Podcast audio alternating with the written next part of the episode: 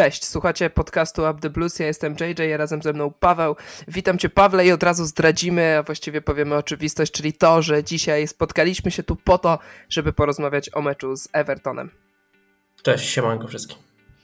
E, kolejne, kolejne spotkanie, po którym możemy być rozczarowani, może nie kolejne z rzędu, no bo po tej serii naprawdę po takim dobrym tygodniu, e, podczas którego wygraliśmy trzy mecze z rzędu, znowu przyszło potknięcie Chelsea. Chelsea remisuje 2-2 z Evertonem na własnym stadionie. Trochę się już przyzwyczailiśmy, że jeśli drużyna przeciwna potrzebuje punktów, jeżeli, wal jeżeli walczy przed spadkiem, to Chelsea przychodzi z pomocą. Zresztą rok temu zrobiliśmy dokładnie to samo z tym samym rywalem, chociaż nie dokładnie. Wtedy przegraliśmy, ale też Everton walczył o utrzymanie i, i, i wywalczył między innymi je na, na naszych plecach. No, niestety taka Chelsea jest, że to co powiedziałeś, e, jeśli potrzeba się przełamać i, i zdobyć jakieś bardzo ważne punkty, a dla Evertonu nie punkt, zwłaszcza w kontekście uratowania się przed spadkiem był ważny, no to, no to gramy z Chelsea i, no i po raz kolejny się to udało. Co przede wszystkim zawiodło, bo e, ja chcę porozmawiać też o tym meczu, ale też o, o, nastawieniach na przyszłość, bo przychodzi teraz przerwa reprezentacyjna i po niej wracamy już właściwie na taką autostradę do końca sezonu, więc y, przyjdzie czas podsumowań i zapowiedzi, ale zacznijmy od samego meczu z Evertonem. Dlaczego znowu nie udało nam się wygrać i, i czy masz takie wrażenie jak ja, że właściwie schemat taki, który zobaczyliśmy w meczu z Evertonem, powtórzył się już któryś raz z rzędu, tylko z Leeds mieliśmy szczęście, bo Leeds nie potrafiło nam strzelić bramki. Z Borusią byliśmy może trochę bardziej zmotywowani i też mieliśmy to szczęście. No z Leicester udało się strzelić bramkę drugą, która zabiła ostatecznie spotkanie i jeszcze wpadła tam czerwona kartka. Ale że w każdym z tych meczów, w momencie, w którym prowadziliśmy, coś się załamywało i wpadaliśmy w panikę i na boisku, boisko ogarniał chaos, szczególnie w środku pola. No pojawia się niestety takie coś, to jest najgorszy i największy problem Chelsea obecnie, że, że my dochodzimy do sytuacji, potrafimy wyjść na prowadzenie, y, no a później się coś wyłącza i tutaj można winić piłkarzy, można winić też Grahama Pottera, bo na przykład on y, moim zdaniem nie tylko we wczorajszym meczu, ale w tych, y, co też wspomniałeś wcześniej, no można tutaj powiedzieć, że, że zmiany też na pokazywały i jakby kierowały nas, że, że my niekoniecznie jest, jesteśmy za tym, żeby, e, żeby strzelać kolejną bramkę i dobijać e, rywali, bo, bo wejście takiego Conora Gallaghera w miejsce Pulisika dla mnie niezrozumiałe i, i nie wiem, nie jestem fanem takiej, takiej piłki i nigdy nie byłem. E, I Według mnie, nie, wiesz, że... tak, tak ci wejdę w słowo, że nawet nie chodzi o to, żeby te bramki kolejne strzelać, bo to nie jest może obowiązkiem, ale żeby grać w piłkę, a my po strzeleniu kontrolować bramki... grę, kontrolować grę poprzez właśnie jakby inaczej yy, zabezpieczyć tyły poprzez po prostu granie do przodu i tyle, bo, bo najlepiej się broni atakując i, i to, to jest yy, przysłowie znane każdemu, ale bardzo skuteczne, bo, bo jednak piłkarz, y, przeciwnik ci nie strzeli bramki, jeśli nie ma piłki, a my po strzeleniu bramki oddajemy inicjatywę w 100%, no i prosimy się o strzelenie bramki i tak było po raz kolejny. Tak, y, zdecydowanie się z Tobą zgadzam. Zastanawiam się nad przyczyną tych zmian, bo oczywiście zmiany zawiodły w tym spotkaniu, ale ja nie chciałbym się skupiać, nie chciałbym zwalać wszystkiego na, na zmiany i na jakieś personalia, bo skoro schemat się powtarza, skoro się powtarza w różnych meczach z różnymi rywalami i przy różnych zawodnikach Chelsea na boisku, to według mnie to jest coś głębszego i, i tutaj to, co mi podpowiada jakaś intuicja, czy to, co mi podpowiada jakiś, nie wiem, zmysł piłkarski, którego nie mam, e, to to, że no coś szwankuje w środku pola, że wracamy do tego, o czym rozmawiałem z Dianą chyba w jednym podcaście, że to ustawienie Kowacicia obok Enzo Fernandeza, jakie by ono nie było naprawdę fajne do oglądania, to nie jest optymalne dla Grahama Pottera. Jest zbyt ofensywne, a może inaczej. Ci zawodnicy są trochę mają podobną, podobną charakterystykę gry, mają podobne umiejętności, może nie jeden do jednego, ale żaden z nich nie jest bardzo defensywny, żaden z nich nie umie dominować w defensywie, o ile Enzo fajnie e, dominuje, jest takim zawodnikiem, który no, rozprowadza te piłki, który też oczywiście jest w defensywie, to wydaje mi się, że optymalnie Potter chciałby obok niego postawić zawodnika, który jest bardziej defensywny. I w momencie, w którym Chelsea prowadziła i zostało stosunkowo niewiele czasu do końca meczu, to chciał wzmocnić środek pola, dokładając tam trzeciego zawodnika. Zobaczyliśmy to właściwie w każdym z tych ostatnich czterech spotkań i w każdym to działało trochę inaczej. Conor Gallagher jest bardzo ambitny, bardzo taki zadziorny, walczy o każdą piłkę, ale wprowadza chaos. I jeszcze jak tam się pojawił w pewnym momencie Ruben Loftus-Cheek zamiast Kowacicia, to już mieliśmy w ogóle jeden wielki chaos i zamiast wzmocnienia środka pola, tutaj nie wiem, czy się, czy się ze mną zgodzisz, to zobaczyliśmy no jakby jego osłabienie i zobaczyliśmy jeszcze więcej dziur w defensywie. No w momencie, kiedy prowadzimy i, i potrzebny jest ten spokój i takie ustatkowanie spotkania, żeby no, krok po kroku robić kolejne kroki, żeby, żeby strzelić drugą bramkę. My właśnie takimi zmianami wprowadzamy niepotrzebny właśnie ten chaos, który no, nam przeszkadza i też ułatwia przeciwnikowi y, grę. Wiesz co, co do tej dwójki Kowacić y, Enzo, to y, to jak nasz środek działa, to idealnie jak działa, to pokazał chyba i sezon i rok temu i też a przede wszystkim dwa lata temu, kiedy ten środek u nas naprawdę był genialny, no dlatego, że po prostu nie mieliśmy piłkarzy o tych podobnych charakterystykach jak teraz Kowacic i Enzo, tylko właśnie taki Kowacic, N'Golo Kante, czyli osoba, jedna osoba może polecieć do przodu, druga zostanie i wydaje mi się, że, że to wszystko jest kierowane do, do powrotu N'Golo Kante i, i kiedy on wróci po prostu do formy i będzie mógł grać na, na, na najwyższym poziomie, no to, to wtedy ten środek pola się zmieni, bo, bo na razie no to gramy tym, co jest, no a jest y, trochę niezbyt najlepiej. Mnie zastanawia, że w międzyczasie kapitanem został e, Kowacic, co jest według mnie logiczne, no bo jest najbardziej doświadczonym zawodnikiem w Chelsea, jest już od dawna, ale no, on został kapitanem i co teraz Kante wraca i sadzamy kapitana kolejnego na ławkę. Jeden już na tej ławce jest, drugi odszedł, więc teraz trzeci kapitan siadał na ławkę. Czwartym kapitanem nagle co zostanie Kepa, który jest bramkarzem i, i też zawiódł w tym meczu. Trochę wydaje mi się, że tych problemów w Chelsea cały czas mam masę i, i, i Potter no nie będzie miał łatwego życia do końca tego sezonu. Co do Pulisika, bo wspomnieliśmy o nim, nie chcę o nim później rozmawiać już za długo. Y, dostał szansę, tak samo jak wcześniej szansę dostał Ziyech. Czy tę szansę wykorzystał? No, na pewno nie. No, no i tutaj możemy zamknąć. Przeciwnika, nie, nie, przeciwnika gdzie mógł się popisać ofensywnie, no bo wiadomo jak y, Sean i jego Everton y, gra, no mało go było na boisku, zszedł w 60 minucie, sama jego obecność od pierwszej minuty mnie bardzo zdziwiła, no i też y, nie, nie, nie zdziwiło tym bardziej, że, że nie grał jakoś fenomenalnie, więc no, piłkarz dla mnie niezrozumiały i też nie rozumiem czemu Graham Potter pcha go do pierwszego składu, kiedy wiemy, że, że kompletnie nic z niego nie będzie. Też mi się wydaje, że tutaj moglibyśmy zobaczyć jednak Mudryka na tej pozycji. Ja bym przynajmniej wolał oglądać Mudryka, który, no, którego trzeba do tego składu włączać, on musi łapać minuty, a, a mecze ligowe nie mają już takiego znaczenia punktowego według mnie, więc, więc kiedy ma Mudryk łapać punkty, jak nie teraz? W Lidze Mistrzów nie, no bo Liga Mistrzów jest dla nas kluczowa. No to kiedy? A taki Pulisic, czyli zawodnik, który jest już na wylocie z klubu, który nic nie pokazuje, no dla mnie to jest absolutnie niezrozumiałe i tutaj duży minus dla Grahama Pottera, chociaż oczywiście zakładam, że gdyby Sterling był zdrowy i mógł grać, no to zobaczylibyśmy oczywiście Sterlinga i, i przekonaliśmy się o tym, że optymalne ustawienie Chelsea to jest Rahim Sterling, Kai Havertz i Joao Felix. Tak w tym momencie wygląda trójka zawodników ofensywnych. Wydaje mi się, że nawet nie muszę ci zadawać pytania, bo to jest, e, bo to jest oczywistość w tym momencie, że taka trójka powinna grać, ale też Madłekę e, wprowadzał dużo chaosu, ale był zawodnikiem dosyć przebojowym. Dlaczego nie gra w takim razie on?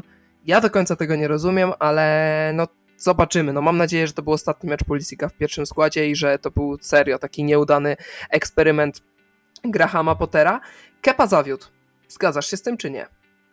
No, to nie był jego najlepszy mecz z, z pewnością. Wiesz, no, dużo czytałem i też ze znajomymi rozmawiałem na, na temat Kepy i no, u nich zmieniło się nastawienie co do niego, że, że Kepa pewnego poziomu nie przeskoczy, no bo nie dał nic ekstra we wczorajszym spotkaniu, no i z tym się zgodzę, jak bardzo byłbym y, fanem Hiszpana, tak no muszę się zgodzić z tym, że, że jednak przy, przy, przy drugim trafieniu mógł się zachować y, o wiele lepiej, ta, ten strzał do wyjęcia. I to pierwsze trafienie tak może niekoniecznie na jego konto, ale też mógłby dać coś więcej, zwłaszcza, że, że Kepa lubi wychodzić do, do tych piłek, co prawda nie zawsze skutecznie, no dziwne, że, że właśnie do takiego zagrania przy pierwszej bramce y, właśnie został na, na linii. Y, no, ciężki temat, jeśli chodzi o, o Kepę. Tutaj mi się wydaje, że przy tej drugiej mógł coś więcej. To nie był najlepszy strzał. Oczywiście wychodził zawodnik sam na sam z bramkarzem i no nie wydaje mi się, żeby żadna z tych bramek to była wina Kepy, ale to, to co mówisz, że tacy klasowi bramkarze, a my w Chelsea chcielibyśmy mieć klasowego bramkarza, w takich sytuacjach potrafią gdzieś drużynie pomóc, a, a od Kepy tego nie zobaczyliśmy. Szkoda, szkoda. Y, myślę, że... Wiesz, ale, ale po tym meczu nie skreślałbym absolutnie Kepy za to, że, że nie dał nic ekstra, bo, bo spójrzmy sobie na to, ile on dał przez ten okres czasu, kiedy Mendy y, usiadł na ławce i też doznał kontuzji no bo on nie jedną sytuację nam obronił i nawet z Borussią Dortmund przecież wziął świetnego y, wolnego, więc, więc to jest bramkarz, który może być na najwyższym poziomie. Jego minusem jedynie jest wzrost moim zdaniem, y, no ale tego jakoś nie, przes nie przeskoczy. Mnie jedynie bardzo dziwi to, że, że właśnie po jednym takim występie kibice nagle nawołują do tego, że że Eduard, że jeśli chcemy coś osiągnąć teraz w Europie, to, to musi zagrać Eduard Mendy i nie wiem, nie wiem o co chodzi takim, takim ludziom, czy, czy naprawdę są tylko wzroczni, nie pamiętałem co Mendy wyprawiał, bo, bo to też takie niezrozumiałe moim zdaniem. Też rzucanie wszystkiego na, na to, że, że Kepa nie wyjął tych y, dwóch bramek y, wczoraj, że potrzebujemy nagle szukać alternatywy, wydawać kolejne miliony na, na bramkarza. Bramkarz teraz moim zdaniem Jay nie jest y, pozycją do, do wzmacniania, mamy tam jakiś spokój, są pozycje, które potrzebują wzmocnienia bardziej. No zobaczymy, zobaczymy. Ja też nie wydaje mi się, żeby Mendy był jakimkolwiek rozwiązaniem, ale, ale jeśli dałoby się kogoś kupić, to ja bym chętnie e, kogoś sprowadził. Zostawmy może ten mecz, ale spójrzmy ogólnie na spotkania Chelsea. Czy ja uważam, może tak, że bardziej powinniśmy patrzeć na to, jak Chelsea gra, nie na to, jakie osiąga wyniki. I akurat co do wczorajszego meczu, no to ten wynik dobrze oddał ten, ten mecz Chelsea. No, on nie był tragiczny, Chelsea miejscami bawiła się piłką i to wyglądało naprawdę bardzo fajnie. że Felix strzelił pierwszą bramkę na Stamford Bridge, drugą bramkę w Chelsea, więc kolejny plusik i ogólnie przez większość meczu byliśmy taką drużyną dominującą, co też jest normalne przy takiej jakości kadry, ale, no ale finalnie tracimy dwie bramki, z tego drugą bramkę tracimy po błędzie indywidualnym Kulibalego, po właśnie no, w jakiejś takiej sytuacji, momencie meczu, w którym nikt nawet nie próbował grać w piłkę po stronie Chelsea, więc trochę to oddało, oddało wynik spotkania, ale jakie, jak w ogóle patrzeć na, na mecze ligowe? Jak ty patrzysz? Bo ja przed wczorajszym meczem byłem tak, tak jakby, nie wiem, nie, nie zajarany tym spotkaniem, że, że nie wiem. Wydaje mi się, że w momencie, w którym odpadniemy z Ligi Mistrzów, mam nadzieję, że tak się nie stanie, ale może tak być, to ten sezon naprawdę się skończy i każdy mecz będziemy traktowali jako taki towarzyski i będziemy bardziej szukali określonych schematów, które są przez drużynę wypracowywane, czy, czy określonych elementów, które, w których dostrzegamy ewentualny progres lub regres, niż jakiekolwiek wyniki. No, ten sezon jest zakończony. Mamy, mamy marzec, a, a te mecze ligowe już absolutnie nie grzeją. No, Bądźmy szczerzy, jedyną nadzieją na to, że zagramy w Lidze Mistrzów w przyszłym sezonie to jest wygrana w obecnej, y, trwającej teraz y, edycji, więc takie mecze o coś to, to po prostu dwumeczy z Realem, więc y, tym bardziej do właśnie 12 kwietnia, kiedy lecimy do Madrytu, do tego czasu trzeba szlifować samą grę i, i to, co powiedziałeś właśnie, że wyniki teraz w lidze nie mają żadnego znaczenia. Wiadomo, że, że, że zwycięstwa i takie na przykład jak z Leicester 3-1, gdzie gdzie naprawdę pewnie zwyciężyliśmy, to buduje. Y, no ale w tym wszystkim potrzeba przede wszystkim dobrej gry i żeby to wszystko zaczęło ruszać, bo, bo jak z Realem odpadniemy, no to tak jak y, powiedziałeś, czeka nas seria takich meczów, które kompletnie nie będą grzać.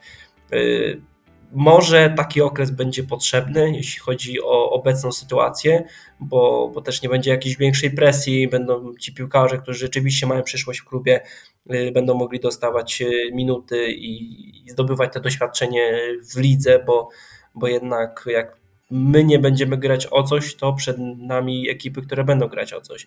Więc, y, więc będzie po prostu taka potrzebny okres dla, dla Chelsea, gdzie gdzie, gdzie z pewnością no, trzeba to wszystko uspokoić, zastanowić się, jak chcemy grać. Y, ja myślę, że już się wszyscy zastanawiają, tylko trzeba to gdzieś wypracować. Porozmawiamy chwilę o, o tym losowaniu, bo to jest pierwszy podcast, y, który po losowaniu właśnie. Chyba gorzej się nie dało trafić. Nie dość, że Real Madryt, to potem Bayern albo Manchester City. No słuchaj, jeśli chcesz wygrać Ligę Mistrzów, musisz wygrywać z najlepszymi, ale... Teoretycznie, ale praktycznie często jest tak, że wygrywają drużyny, które mają łatwiejsze drabinki. My na przykład wygraliśmy dwa lata temu i no byliśmy tam najlepszą drużyną finalnie. No tam Chelsea była niesamowicie zmotywowana i, i była maszyną naprawdę w tamtej edycji, ale no nie da się ukryć, no jak inni grali ze sobą, no to te, te, te, czołowe drużyny grały, grały ze sobą, no to my graliśmy z, z FC Porto, z Realem Madryt, który wtedy nie był e, w piku, więc to, wtedy się trochę ułożyło, no teraz się nie układa. No to jest tak, że teraz Napoli stoi obok i patrzy, jak ci najlepsi się wybijają nawzajem, więc yy, i po prostu czeka na tego, który zostanie wykończony, przeżyje jako, jako, jako jedyny przeżyje, ale będzie wykończony i, i Napoli go dobije. Zobaczymy.